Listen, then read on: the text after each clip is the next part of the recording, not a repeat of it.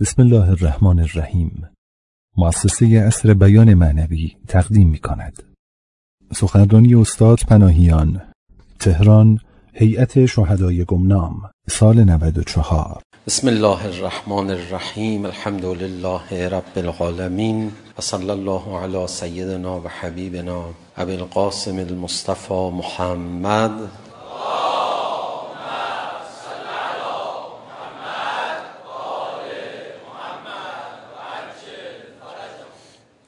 وآله الطيبين الطاهرين المعصومين سيما الحجة بقية الله الأعظم روحي وأرواح العالمين له الفداء واللعن الدائم على أعدائه مجمعين إلى قيام يوم الدين رب اشرح لي صدري ويسر لي أمري واحلل عقدة من لساني يفقه قولي و میخوام امشب چون ایام عید فجر هم هست و واقعا ما هنوز در فضای یکی از بزرگترین اعیاد اسلامی یعنی 22 بهمن به سر میبریم. یه مقدار مثبت صحبت کنم. یه مقدار نمیدونم مثبت صحبت کنم دیگه همین. اون موضوع ما یه موضوع خیلی منفی هست. موضوع ما رسیده به نفاق در تاریخ اسلام. ولی خب من وقتی میخوام مثبت صحبت کنم لابد باید از منافقین طرفداری کنم یک مقداری. تا هم متعادل به نظر برسم و هم اینکه مثبت صحبت کرده باشم. بنده بر اساس برخی از آیات قرآن میخوام طرفداری بکنم از منافقین. و بگم که بیچاره ها بندگان خدا حالا بندگانی کی هستنشو کاری ندارم ولی بنده ها کلن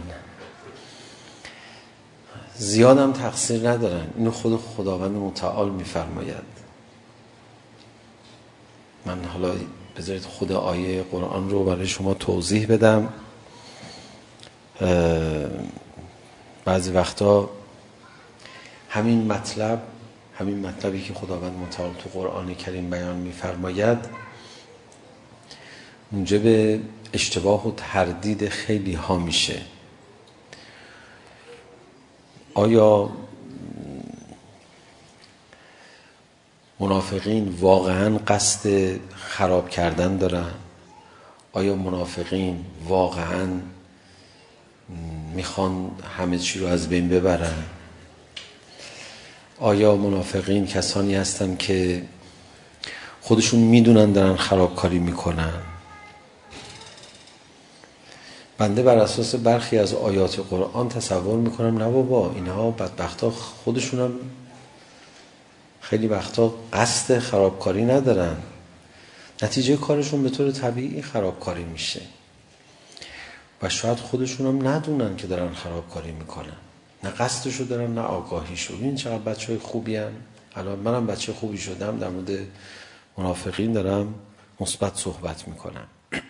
البته بنده بر اساس یکی از آیات قرآن دارم این مطلب رو عرض میکنم ضمن این که البته اگر واقعا اینجور باشه خیلی خطرناکتره. یه وقتی کسی آمدانه داره درگیری پیدا میکنه با آدم آدم تکلیفش باهاش مشخص تره ولی یه وقتی کسی نمیدونه این یه کمی برخورد باهاش دشوارتر میشه.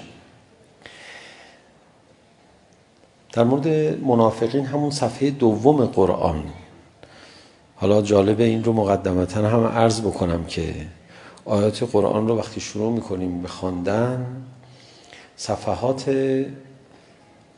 دوم قرآن که تازه یک پاراگراف در صفحه اول به مؤمنین اختصاص پیدا کرده به اندازه مثلا 4 5 خط دیگه بقیهش در مورد منافقینه.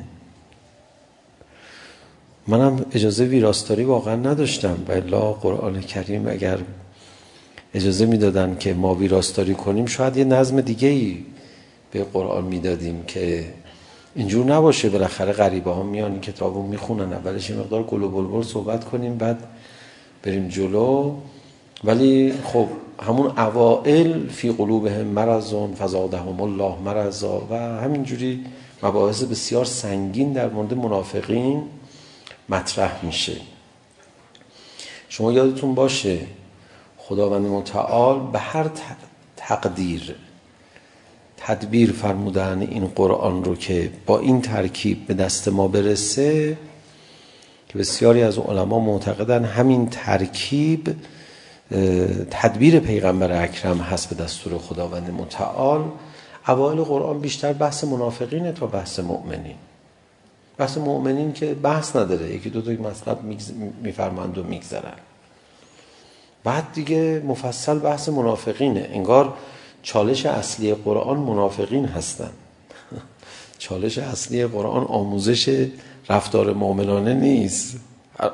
آدم اگه بخواد قضاوت بکنه از صدر قرآن جالبه. آغاز قرآن درگیریش با منافقین من آیه یازدهم رو میخوام برای شما بخونم. آیات قبلی هم هست که حالا میگذریم از اون آیات قبل. که حالا به یکی از اون آیات بر باز خواهیم گشت. ولی در طرفداری از منافقین میخوام عرض بکنم که اینا بدبختا خودشون نمیفهمن دارن چیکار میکنن. خیلی جالبه. و اذا قیل لهم لا تفسدوا فی الارض قالوا انا انما نحن مصلحون. وقتی بهشون گفته میشه که خب فساد نکنید. فساد یعنی کارو خراب نکنید. یه چیزی که درسته خراب نکنید. یه چیزی که داره درست میشه راه درست شدنشو نبندید. فساد فقط فساد اخلاقی به ذهنتون نرسه ها. فساد یعنی خراب کردن یک طرح درست. فساد یعنی خراب کردن یک کار درست. فاسدش کرده اینو. میوه فاسد میشه دیگه اون حالت طبیعی خودش رو از دست میده. میوه فاسد میشه غذا فاسد میشه منظورش نیست که رفته پای اینترنت کارهای غیر اخلاقی کرده که نه فاسد شده یعنی خراب شده این معنای دقیق کلمه فساده یه کاری تو فارسی میگیم خراب شد بخوایم معادل عربی براش درست بکنیم باید بگیم فاسد شد و اذا قیل لکم لهم لا تفسدوا فی الارض فعل ارض هم نشون میده جنبه اجتماعی داره موضوع. آقا شما وضع اجتماعی رو دارید خراب میکنید. وضع جامعه رو دارید خراب میکنید. این فساد در زمین است. دیدید حضرت امام کسانی که مقابل شورای نگهبان می ایستند و فرمود مفسد فل ارض میدونید مفسد فل ارض حکمش اعدامه. اینها وقتی که میان علنی تو جامعه میستن مقابل رأی داور مسابقه انتخابات یعنی در واقع مسابقه رو خراب کردن. حضرت امام فرمود اینا حکم مفسد فل ارض دارن. این یک اصطلاح خاص دینی است. برای گروهی از کسانی که خطاهای گسترده اجتماعی دارن. از همینجا گرفته شده.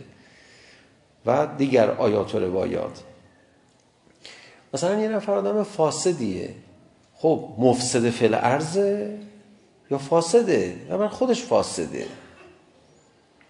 اونو اعدامش نمی کنن اونو اگر دو نفر گناهش رو دیده باشن بیان خبر بدن اون دو نفر رو شلاق میزنه اسلام میگه فلان فلان شده شما اومدید خبر ده میگه به خدا ما دیدیم این فاسده مثلا ارتباط گرفته با یک مثلا زن شوهردار سه نفرم بیان خبر بدن اون سه نفر رو میخوابونن شلاق میزنن یا بابا ما خودمون امروز وقت بیجا کردید که اومد خبر دادید اون خب یه آدم فاسده به شما چه ربطی داره حالا چهار نفر بشن حکمش فرق میکنه اونم اینقدر شرایط پیچیده ای داره که تقریبا محاله تقریبا محال پیش بیاد فاسد با مفسد فل ارز خیلی فرق میکنه. مفسد فل ارز یعنی جنبه اجتماعی داره موضوع. و ادا قیل لهم لا تفسدوا فل ارز من دارم ویژگی های منافقین رو میگم دیگه. از جلسات قبل شروع کردیم. یکی از ویژگی هاشون جلسه قبل بحث کردیم. میشه این بحث ها رو ادامه داد ولی خب دیگه نمیخوایم زیاد معطل بمونیم دیگه. و من هم محور رو بیشتر آیات قرآن قرار دادم.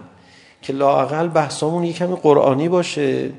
وقت به چیزی نپردازیم که قرآن بهش اهمیت نداده. یه وقت موضوعی که خدا تو قرآن بهش اهمیت داده ازش غافل نشیم. قرآنی بحث بکنیم. قرآن هم بیشترش تاریخه. قرآن ممکنه اسم افراد رو نیورده باشه ولی تحلیل وقایع تاریخه. و خیلی حیفه. ما از قرآن کریم برای مباحث تاریخی استفاده نکنیم. اینا بوده که خداوند متعال داره میفرماید. منتها خب طبیعیه. بسیاری از وقایع حساس. مثل موردی که در جلسه قبل بحث کردیم اینها در تاریخ پروندهشون روشن نیست. خیلی مبهمه. از بس خب در طول تاریخ تحریف کننده های فراوانی توسط قدرت ها اجازه ندادن اخبار تاریخی منتقل بشه برخیش از طریق روایات یه مقداری برای ما روشن شده این هم از قصه های بزرگ ها بزرگترین حادثه های تاریخ اسلام که آیات قرآن فراوانی در موردش هست اصل داستان رو کسی نمیدونه میگن یه چیزی بوده نمیدونیم الان دقیقا چی بوده مامی اون آیاتی که جلسه قبل خوندم برای شما از سوره نساء بود فکر کنم درسته؟ این آیات نشون میده یه عده‌ای از مؤمنین که مهاجرت نکرده بودن. بعد اومده بودن. مردم تو مدینه اختلاف پیدا کردن درباره اونها. خداوند متعال تو قرآن کریم میفرماید که مالکم فی المنافقین فئتین. چرا شما در مورد منافقین دو گروه شدید؟ اختلاف نظر پیدا کردید. خب شما به عنوان یک خواننده قرآن. میگید این قصه چی بوده؟ مردم مدینه اختلاف پیدا کردن در مورد منافقین. و میرید تو تاریخ هیچ داستان قطعی روشنی پیدا نمیکنید نیست. خیلی عجیبه. ببینید چقدر ما واقعا دین غریبی داریم. ولی خب من به نظرم رسید که ما تو این بحث تحلیل تاریخ حتی اگر داستانهای تاریخی خیلی از این آیات تاریخی رو نداشته باشیم ولی آیاتشو بخونیم تحلیلاشو بخونیم بالاخره این چیزا که بوده که این چیزا بوده که خداوند متعال تو قرآن میفرماید نمیشه که نباشه خداوند متعال برای مردم مدینه این آیات داره نازل میشه بعد مردم مدینه به هم دیگه میگن آقا چی دارن رسول خدا میفرمان نمیدونیم نمیشه که خب باید این آیات در مورد یک کسانی باشه که اونجا هستن در مورد یه اتفاقایی باشه که هست حالا به ما دقیقش متاسفانه نرسیده خب و اذا قیل لهم لا تفسدوا فی الارض وقتی به منافقین گفته میشه که آقا فساد نکنید در زمین این فساد نکنید با فاسد نباشید خیلی فرق میکنه فساد در زمین یعنی جامعه رو به هم نزنید یعنی وضع جامعه رو خراب نکنید قالو انما نحن مصلحون منافقین به شما این جواب میدن میگن ما ما مصلحیم وقتی بهشون گفته میشه که آقا فساد نکنید در زمین میگن نه ما مصلحیم اصلا انما انما ما فقط دنبال اصلاحیم بله خب آیه بعدی رو ببینید منافقین رو میگه رو چه حساب اینو میگه آیه بعدی رو ببینید این اولین علای قرآنه علا علا یعنی چی؟ علا علا این علا یعنی به هوش باشید خبر داشته باشید آی آی آی علا علا انهم هم المفسدون ولكن حالا بقیه‌ش هم ترجمه علا انهم هم المفسدون میفرماد الا آگاه باشید اینا مفسدن. خب اینا دارن خراب میکنن. بقیهش منو گیر انداخته میخوام این گیر رو با شما در میون بگذارم. و هم لایش ملاک لایش ارون این طرفداری از منافقینه در قرآن. اینا شعور ندارن. چه طرفداری شد آقا اینا خودشون هم نمیفهمن دارن خراب میکنن. عجبه ها. عجب. من میبینم آدم خوبی بود به نظر نمیمد آدم. خیلی خرابکاری باشه. قرآن میفرما همینه دیگه. خودش شعور نداره که داره خراب میکنه که. دیگه من امشب بیشتر از این نمیتونم از منافقین طرفداری بکنم.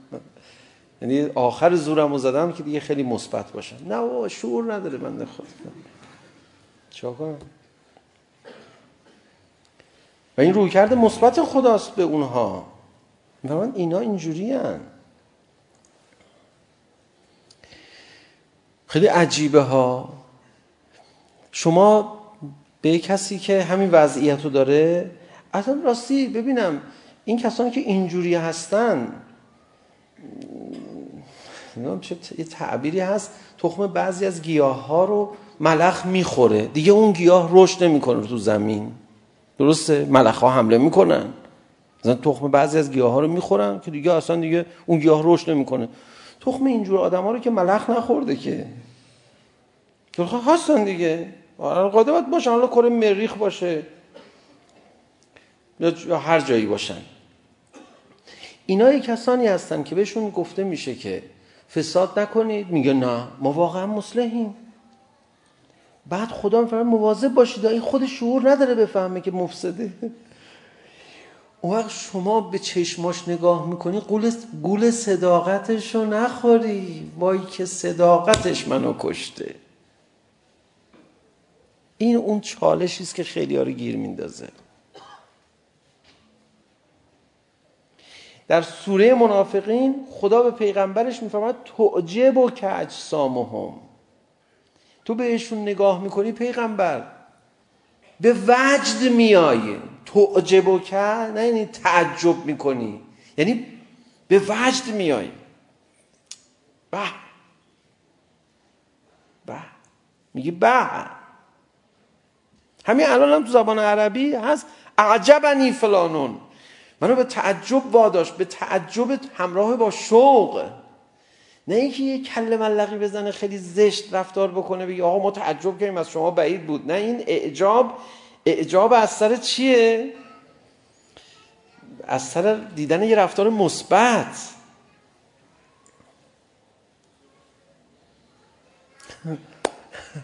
به چشمای اینا نگاه میکنیم یه صادقانه میگه آقا ما با آقا من نمیدونم چجوری اجرا کنم که یه صحبت صادقانه یه سوال صادقانه هم. من بپرس آقا اسم تو چیه؟ علیرضا. واقعا به خدا اسم من علیرضاست آره چشم من نگاه کن. چقدر صادقانه. به خدا علی رضا است. اصلا بچگی به من گفتن علی رضا میگه آقا نگاه کن بدبخت دروغ نمیگه که.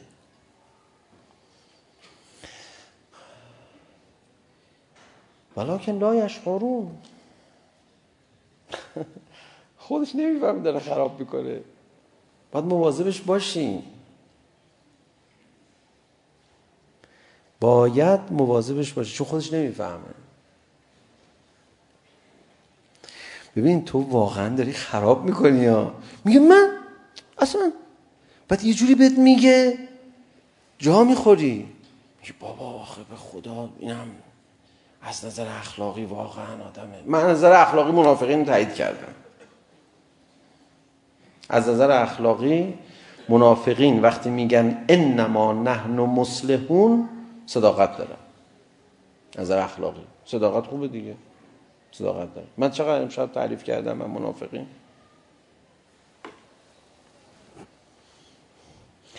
پس عیبشون چیه؟ شعور ندارن. شعور نداره دیگه. بعد خداوند متعال یه ویژگی دیگه ای رو از اونها بیان میکنه. آقا شعور نداشته باشه یک کسی و بدونه که شعور نداره این یه روزی نجات پیدا میکنه آن کس که نداند و بداند که نداند دنگان خرک خیش به مقصد برساند بعد آیه بعدی دیگه آب پاکی رو خدا رو دست ما میریزه و ببین این این درست شدنی نیست چرا و اذا قیل لهم آمنو کما آمن الناس وقتی بهش گفته میشه که آقا بیا درست حسابی ایمان بیار. چون این آمنو در واقع ایمان آوردن درست و حسابیه. چون در بحث در مورد منافقینه دیگه. منافقین ظاهرا که ایمان آوردن. باید حقیقتا ایمان بیارن. وقتی بهشون گفته میشه که آمنو.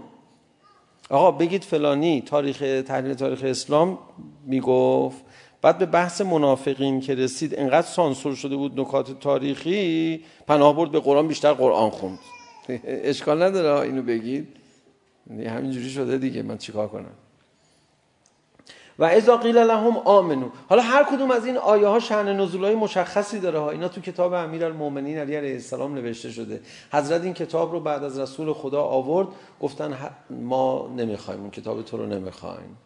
کتاب قرآن بدون ترجمه و حاشیه و شرح و توضیح و اینا کافیه. حضرت علی علیه السلام فرمود من اینو ببرم دیگه کسی نمیبینه ها. اون این کتاب الان دست حضرت بقیت الله العظم ارواحنا له الفداست چقدر قصه میخوره. جیگرش کباب میشه آدم. عین محیی معالم دین و اهله. کجاست احیا کننده معالم دین؟ همه رو توضیح بده برای ما.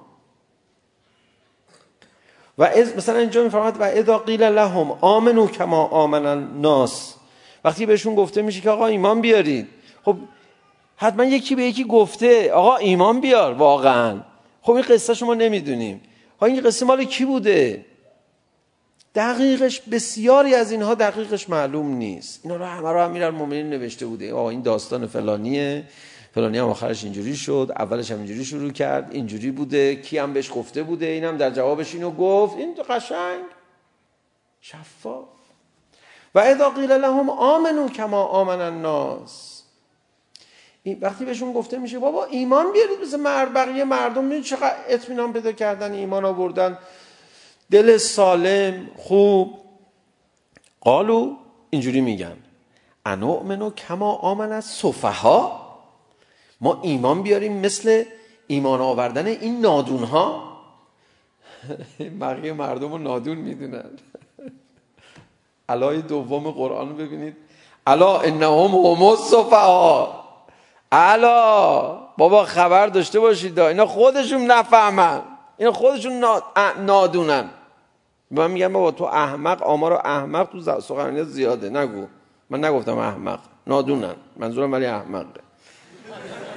براش بیکار کنم دیگه آیه قرآن هم نمیشه ترجمه کنیم الا انهم هم الصفها صفها به معنای جاهل که نیست معنی احمقه ولکن لا یعلمون ولکن لا یعلمون دوباره نگاه کنید این خودش نمیدونه که احمقه خب ببخشید طبیعتا نمیدونه دیگه که احمقه دیگه ولی شما بهش نمیگفتی خدای بیشوره چقدر مثبت خدا صحبت میکنه در مورد منافقین بی شعور احمق چی بود آخر سر؟ ولکن لا یعلم نادون.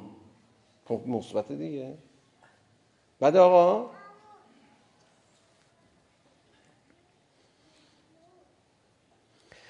خب حالا دقت کنید. به اینا گفته میشه که ایمان بیارید مثل ایمان آوردن مردم. مردم بیشیل پیله چجوری ایمان میارن؟ اینا میگه اه من مثل اون نادونا ایمان بیاریم. ببخشید پد مثل کیا میخوای ایمان بیاری ها میگه ما ایمان با ملاحظه میاریم. ببین سب کن مرا توضیح بدم اکه حیف من سیاسی نیستم ولی یک مثال سیاسی مشتی الان اومده بود تو ذهنم. حالا نگم. ملت میگه که بعد از حالا بگو حاج آقا بعد از جلسه میپرسه. خب من فکر میکنم الان بعد از جلسه است توضیح بده چیکار کنیم ول نمیکنن که یقه رو یه بنده خدای خودش شنیدم نامه نوشته حالا بر رفقا اینجا بعضیشون اهل سیاست هم من نمیفهمم این مسائل رو بنویسن نامش رو بردارن خودش منتشر کرده بذارن به در دیوار خودش نامه نوشته که امام به امام ما حرفای شما رو بعضیش رو تعدیل میکردیم اجرا میکردیم تعدیل میکردیم یعنی چی اینجوری که نمیشه هرچی شما بگی که ما اجرا بکنیم که نمیشه که ما مثل مردم که نیستیم که هرچی شما بگی چشم چشم چشم ما ملاحظه میکنیم چی گوش بدیم چی گوش ندیم ما که شما حرف میزنیم به هم دیگه نگاه میکنیم گوش بدیم نصفشو گوش بدیم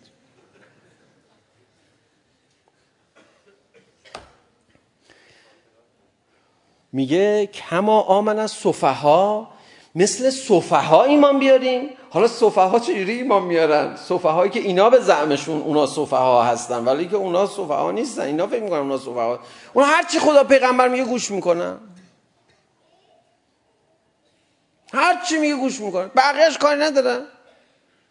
اما اینا که خودشون رو اوغلا میدونن میدونین آیات قرآن مال آسمان ها در مورد ابرهاست.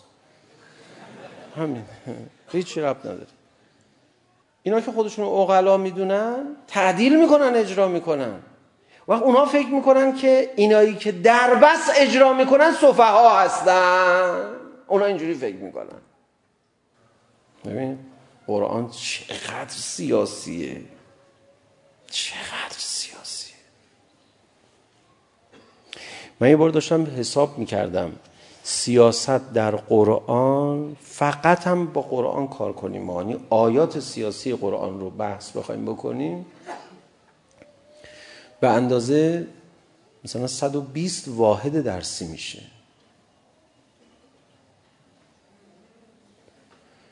همینجوری یکی یکی آیاتو بیاریم ببینیم چه بحثایی داره.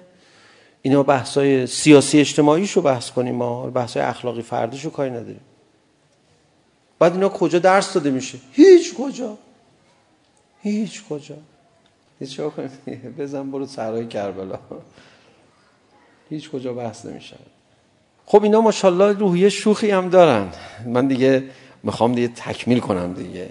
پس آقا این بدبختان شعور ندارن بندگان خدا خوبه دیگه شما چرا از تحویل نمیگیرید. من دارم تحویل میگیرم منافقینا بعد یک ویژگی خوب دیگه ای که دارن اینه که اولا شعور ندارن. ببخشید من از اونها عذرخواهی میکنم. شما که نه از منافقین عذرخواهی میکنم چون خدا در موردشون اینجوری فهمیدن بعد خیلی هم خودشون احمقن. بعد بعد وقتا نمیفهمن نمیدونن که احمقن. راحت دیگه کلا. آدم به اینا میرسه باید چی بگه؟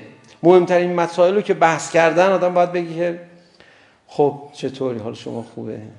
احوال. حواس خبر آسان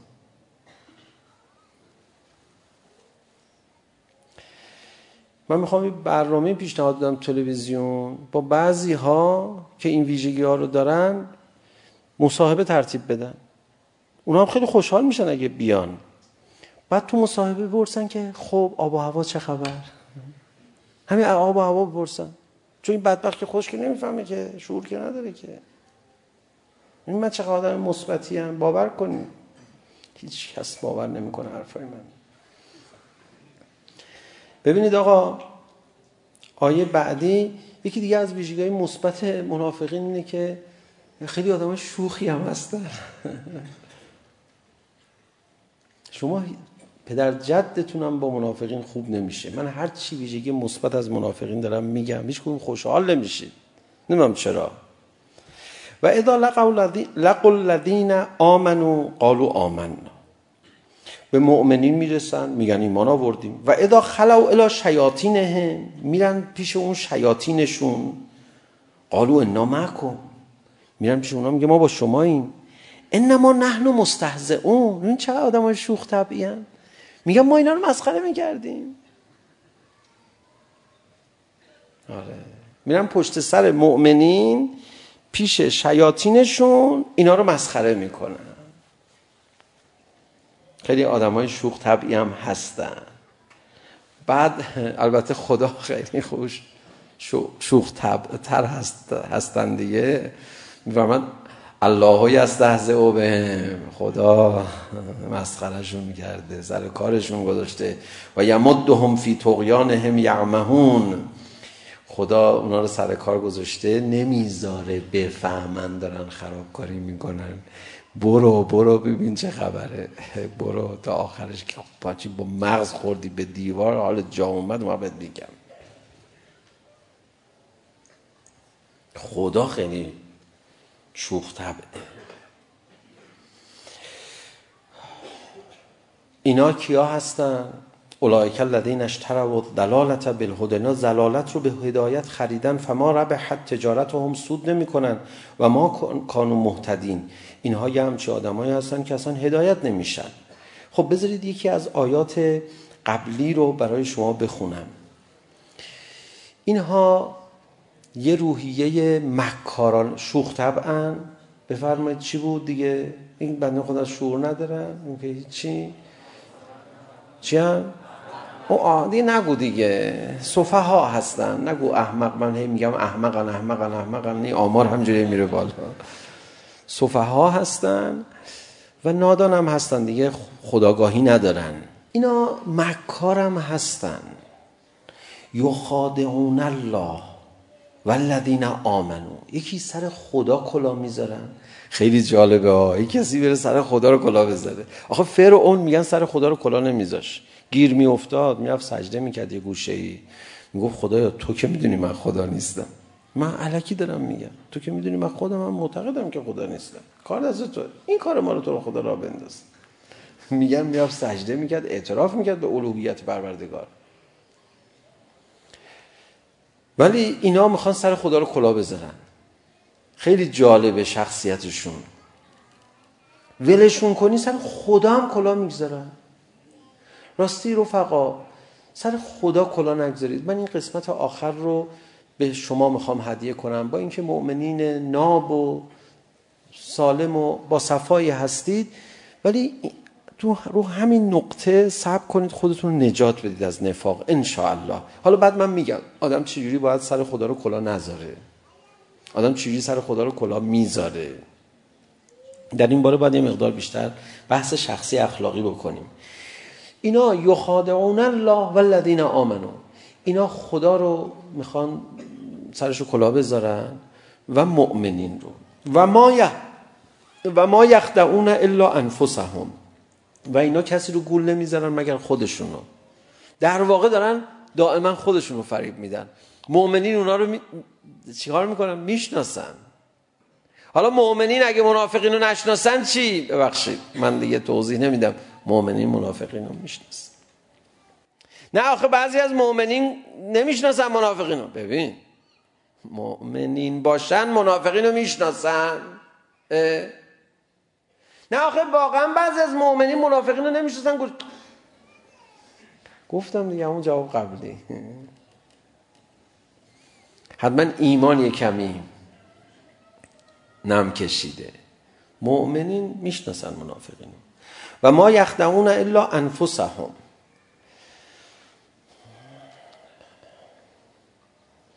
بله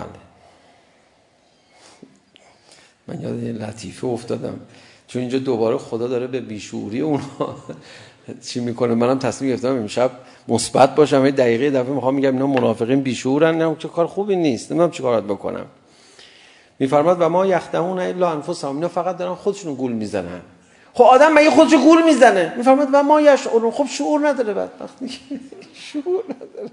خودش داره گول میزنه.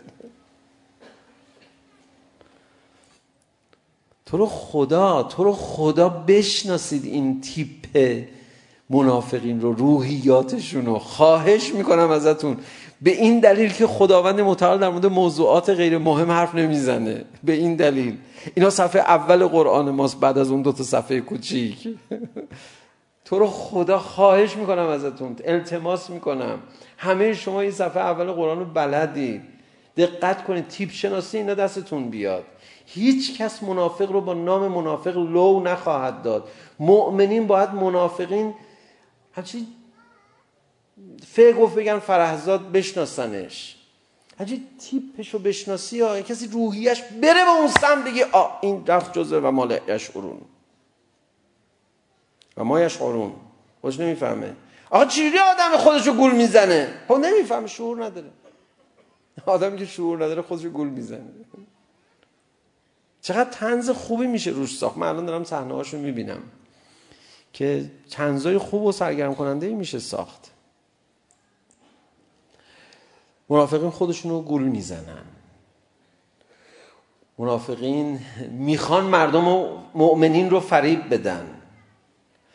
منافقین میخوان خدا رو فریب بدن. خیلی جالبن به خدا پدیده های عجیبی هستند ما اگر در قرآن کریم اینقدر به موضوع نفاق پرداخته نشده بود خیلی بیجا میکردیم اینقدر منفی در بارد بعضی از آدم ها صحبت کنیم. ما بیجا میکردیم اینقدر در مورد آدم ها قضاوت کنیم. البته ما در مورد کسی قضاوت نمی کنیم ولی خب یادم میبینه دیگه این کسی همین نقشه رو بازی کنه چی میشه دیگه؟ چیکارش کنه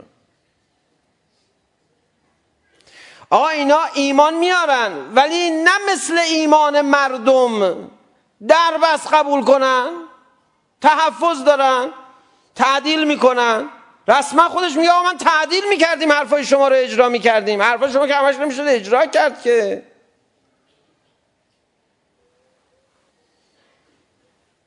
اینجوری هم کما عمل از صفحه ها مثل این نادونا به شما ایمان بیاریم ما حرف داریم اونا مثل ما نادونا ایمان نمیارن ما نادونیم منافقین در مورد ما مؤمنین ما انشالله جزو مؤمنین باشیم بگو انشالله در بس بخوایم حرف رسول خدا رو قبول کنیم حرف امیرالمومنین رو قبول کنیم حرف خوبان رو قبول کنیم اونا میگن کما آمن از صفحه ها مثل نادونا به شما ایمان بریم ما آدم های دانایی هستیم دانا هستی چیکار میکنی خب من تعدیل میکنی دیگه تقسیم میکنی یه چیزش رو بپذیری یه چیزش رو نپذیری و من این صفه هایی که منافقین میگن به شما معرفی کنم این صفه هایی که منافقین اسم اینا رو میذارن صفه ها نمونه هاشون بچه های رزمنده بچه هایی که شهید شدن بچه هایی که در انتظار شهادتن آقا فرموده برید جنگ ما بقیهش کاری نداریم. یعنی اونا اینو مسخره میکنن. کما آمن از صفها منافقین اینجور ایمان آوردن های دربست و میگن چی؟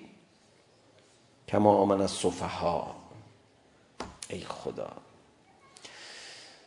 الا انهم هم الصفها خدا چه؟ خدا چقدر راحته. همچنین جیگر آدمو حال میاده اینا خودشون نفهمن. مکر میکنن خدا رو و مکر میکنن مؤمنین رو ولی خودشون رو گول میزنن آها مگه آدم خودشو گول میزنه آره دیگه اینا شعور ندارن که خودشون رو گول میزنن میگه شعور نداره میگن من از بچگی این ضرب المثل رو شنیده بودم هیچ وقت به شکار نرفتم ولی به عنوان ضرب المثل هم چیزی رو شنیدم شنیدم برف وقتی بیاد کپک میاد دنبال دونه میگرده بعد میزنن این کپکا رو فصل شکارشون مثلا هست نمیدونم بعد میگن تا کبک متوجه میشه که میخوان شکارش بکنن کلش رو میکنه تو برف حالا تمام هیکلش بیرون ها میگه دیگه من نمیبینه بابا تو اونو نمیبینی او همه هیکلت داره میبینه بابا تق میزنه به هیکلش آره بلا تشبیه بلا تشبیه بلا تشبیه کبک نه اونوری نه چون بند خدا بیشور ببخش چی بگم اون جانور نجیبیه بله خب بگذاریم به قدر کافی تفریح کردیم خدایا هیچ یک از ماها رو جزو اینجور منافقین قرار نده خدایا اینجور منافقین رو در جامعه ما بهشون بال و پر نده اگه هستن نیستن که هستن چون ما سرمون تو کتابه فقط زیاد نمیدونیم که چه خبر اوضاع احوال. خدایا اینجور منافقین رو بال و پر تو این جامعه بهشون نده. مکرشون رو به خودشون برگردون. آقا جون توشه خودمون رو برداریم. شما بچه های خوبی هستید. و من میخوام خیلی فاصله بگیرید. خیلی که فاصله گرفتید از نفاق دست منم بگیرید برای منم دعا کنید برای عاقبت به خیری من بدبخت بیچاره هم دعا کنید ما هم نمونیم. من خدا شاهده تماما میترسم. مثلا میخوام علیه نفاق حرف بزنم میترسم. میگم خدایا به من سخت نگیری یا منم یه جلوه از نفاق نشم. تو رو خدا تحویل بگی. بعد ان به دعای شما دست ما هم گرفته بشه. یخادعون الله. اینا خدا رو گول میزنن. ببینید برای اینکه آدم خدا رو گول نزنه با تمرین کنه. تمرینش توبه است. تمرینش استغفاره. تمرینش غلط کردنه. تمرینش پذیرفتن خطاست. شما کلا توبه کن. چیکار داری؟ نه بخوام ببینم از چه گناهی. ببین تو کلا بگو غلط کردم دیگه. غلط که میکنی دیگه. بزن برو دیگه. بگو. او خود کلا الهی العف آقا چی کار کردی؟ ببین از خودت هیچ وقت نپرس چی کار کردی. فرمود یا داوود صدیقین بیان اینجا ازشون حساب برسم کم میارن. تکلیف من شما که مشخصه. کلا خودتون در محضر خدا خطاکار بدون. کلا خودتو پیش خدا ناقص بدون. کلا خودتو به خدا بدهکار بدون. کلا! چیکار داری تو؟ کم کم باب توجیه رو برای خودت باز نکنی بخوای سر خدا رو شیره بمالی یا خدا ببین آخه میدونی که اون حالا اون فوش دادم اونجا عصبانی بودم. بخاطر شرایطش خدا جیب خدا در جریان نیستی. من چه مخمسه گیر کرده بودم. بگو دیگه نه بفرمایید خواهش. بفرمایید تو. بیرون بده اینجا دم در وایسادی بفرمایید تو. کلا چی کار داری؟ خودتو بده کار بدون. کلا از خدا بترس. بترس نه معنی بترس ترس از لولو خورخوره ترس از این که امیرالمومنین فرمود علیه السلام که شیعیان ما همیشه خدا میترسن مبادا کم بذارن برای محبتش. این چه ترس خوشگلیه؟ من که نمیتونم حقشو به جا بیارم. تو میتونی. کلا. به خودت چیزی نگیر. منم نزن. استغفار استغفار حقیقی ما من شیء احب عند الله من ان يسال هیچ چیزی نزد خدا محبوب تر از این نیست که آدم بره در خونه خدا گدایی میفرماد خداوند متعال از بنده هاش به کم راضیه اون کم چیه دو تاست اینو باید از حفظ باشید اون دو تا چیه خدا به کم از بندگانش راضیه اون کمی که خدا راضیه چیه دو تاست بگو اون دو تا چیه گناه میکنن بگن استغفار کنن بگن خدا ببخشید نعمت بهشون رسید تشکر کن شکر استغفار دوت خدا ممنونتم کار تو بود اصلا کار تو بود کار من نبود و الا کم کم میافتی سر این که خدا رو توجیه کنی خدا اجازه بده من براتون توضیح بدم خب چی موقع برای من توضیح بدی تو چی چه توضیحی داری به من بدی اون دنیا میشه لا یتکلمون الا من اذن له الرحمن و قال ثوابا هیچ کی نمیتونه حرف مفت بزنه اما حرفا که ما اینجا فکر میکنیم اینا رو توضیح میدیم به خدا بعدا نه بابا نمیتونی بزنی استغفار زیاد کنیم معنویت خودمون رو افزایش بدیم این افزایش معنویت موجب میشه که ما سر خدا رو کلا نذاریم ولی هممون این استعداد رو داریم حضرت آی بهجت رضوان الله تعالی علیه میفرمون ما همون شمر بالقوه ایم بله استعدادشو داریم؟ آدم رو ول کنی یا خدا رو توجیه میکنم میگه خدا سب کن من توضیح بدم. چی موقع توضیح بدی؟ من خودم توضیحات تو میدونم. نه آخه نمیدونی من تو چه شرایطی بودم. من خودم اون شرایط رو برات درست کردم. نه آخه توانایی منم باید لحاظ بشه من توانایی تو رو به خودم دادم. Cuma viki. Ama şimdi roşan ne? چی بگم آخه خود چون لبخند بزنید شما لبخند بزنید نه بخنده لبخند بزنید چی بگم روشنه خودت که میدونی آقای بهجت هم شبیه خدا شده بود میری جستی باش خب حاجه ها بگی چی بگی میخندید میگفت چی بگی با همه چی روشنه که حالا ما یه جوری هم صحبت میکنیم انگار هر روز صبحونه با آقای بهجت بودیم ما یه باریشو بدیدیم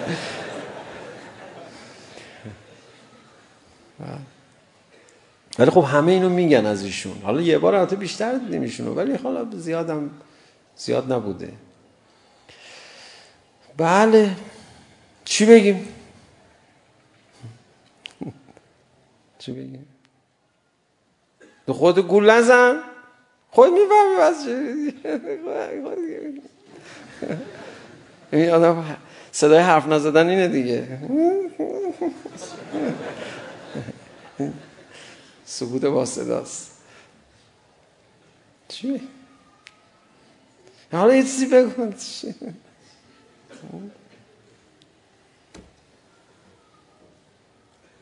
خدا حرف نداره بزنه حرف نمونده من که تو بخوای با خدا حرف بزنی تو هم حرف نداری با خدا بزنی جز غلط کردم و تشکر میکنم تو هم حرف نداری بزنی نه خدای برات توضیح بدم نمیخوام توضیح بدی خدا من خدا اونجا بودم اصلا نه آخه گفتم شاید یه زاویه‌ای وایساده باشی ندیده باشی درست امشب خیلی تفریح کردیم دیگه عید بود دیگه ما هم شاد بودیم و عیدم بود و الحمدلله همه با هم دوست هستیم ما هم با منافقین دوست هستیم بعد وقتا شعور ندارن اشکالی نداره خدای ما رو با این بیشعورا چیکار کنی واقعا طبق قرآن واقعا چند بار گفتن ما یشعرون سه مرتبه توی یه صفحه به یه کسی میگم بیشعور خب آدم دیگه لا لا لا خدای ما رو با این بیشورا محشور نگردن خدا شعور ما رو اما نگیر چی بگه آدم خب ما جلسه قبل روزه نخوندیم واقعا به خاطر دهه فجر افرحون به فرح نام این جلسه هم نمیخوایم روزه بخونیم یه اشاره فقط بکنم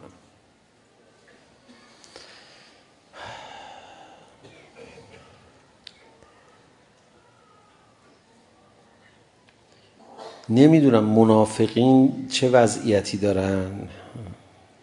اینا ابا عبدالله الحسین علیه السلام شمر لحظه های آخر نمیگم تو چه وضعیتی بود.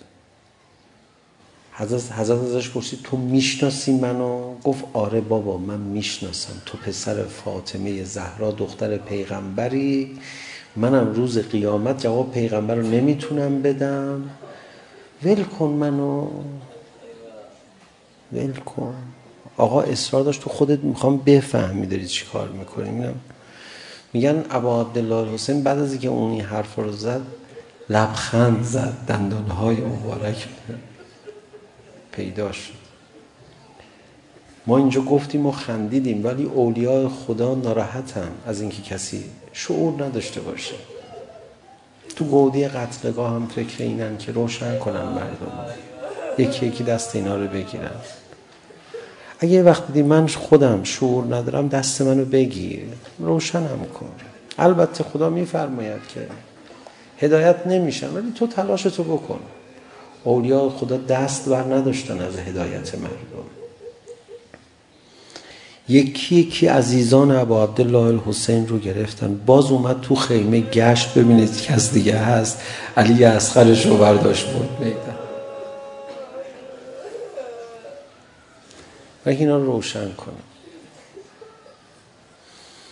برو در خونه خدا. از خدا بخوا. بگو خدا من میخوام روشن بشم. پای روشن شدن من خون علی اصغر ریخته شده. پای روشن شدن من فاطمه زهرا بین در دیوار ناله زد پای روشن شدن من زینب کبرا به اسارت رفت منو روشن کن از خدا اینو بخوای از زینب کبرا سلام الله علیها اینو بخواد خیلی سخته خیلی بی حرمتیه بی حرمتیه به حضرت زینب سلام الله علیها ایشون رو ببرن به اسارت هر چند بخوان با احترام ببرن اصلا میخوان با احترام ببرن ولی به زور دارن میبرن خانم نمیخواد بره. اصلا بر محمل اوریان سوار نکردن تناب نیاوردن تازیانه نیاوردن خرابه نمی نشانن فقط میخوان حضرت زینب به زور ببرن شام. همین بسته برای مؤمنه خب بخواید از حضرت زینب بخواید. بگید که خانم این شهدای مدافع حرم رو چجوری خانم شما روشن کرده؟ ما رو هم روشن کن. بفهمیم دیگه. پای روشن شدن ما خیلی زجرها کشیده شده. از خدا بخواید. برمیدارن بهتون میدن. حوز کوسر هست ساقی کوسر هست. قده قده برمیداره به شما. عنایت خواهد کرد. و صلی الله علی محمد و آله و طهاره بیان معنوی نقطه آی آر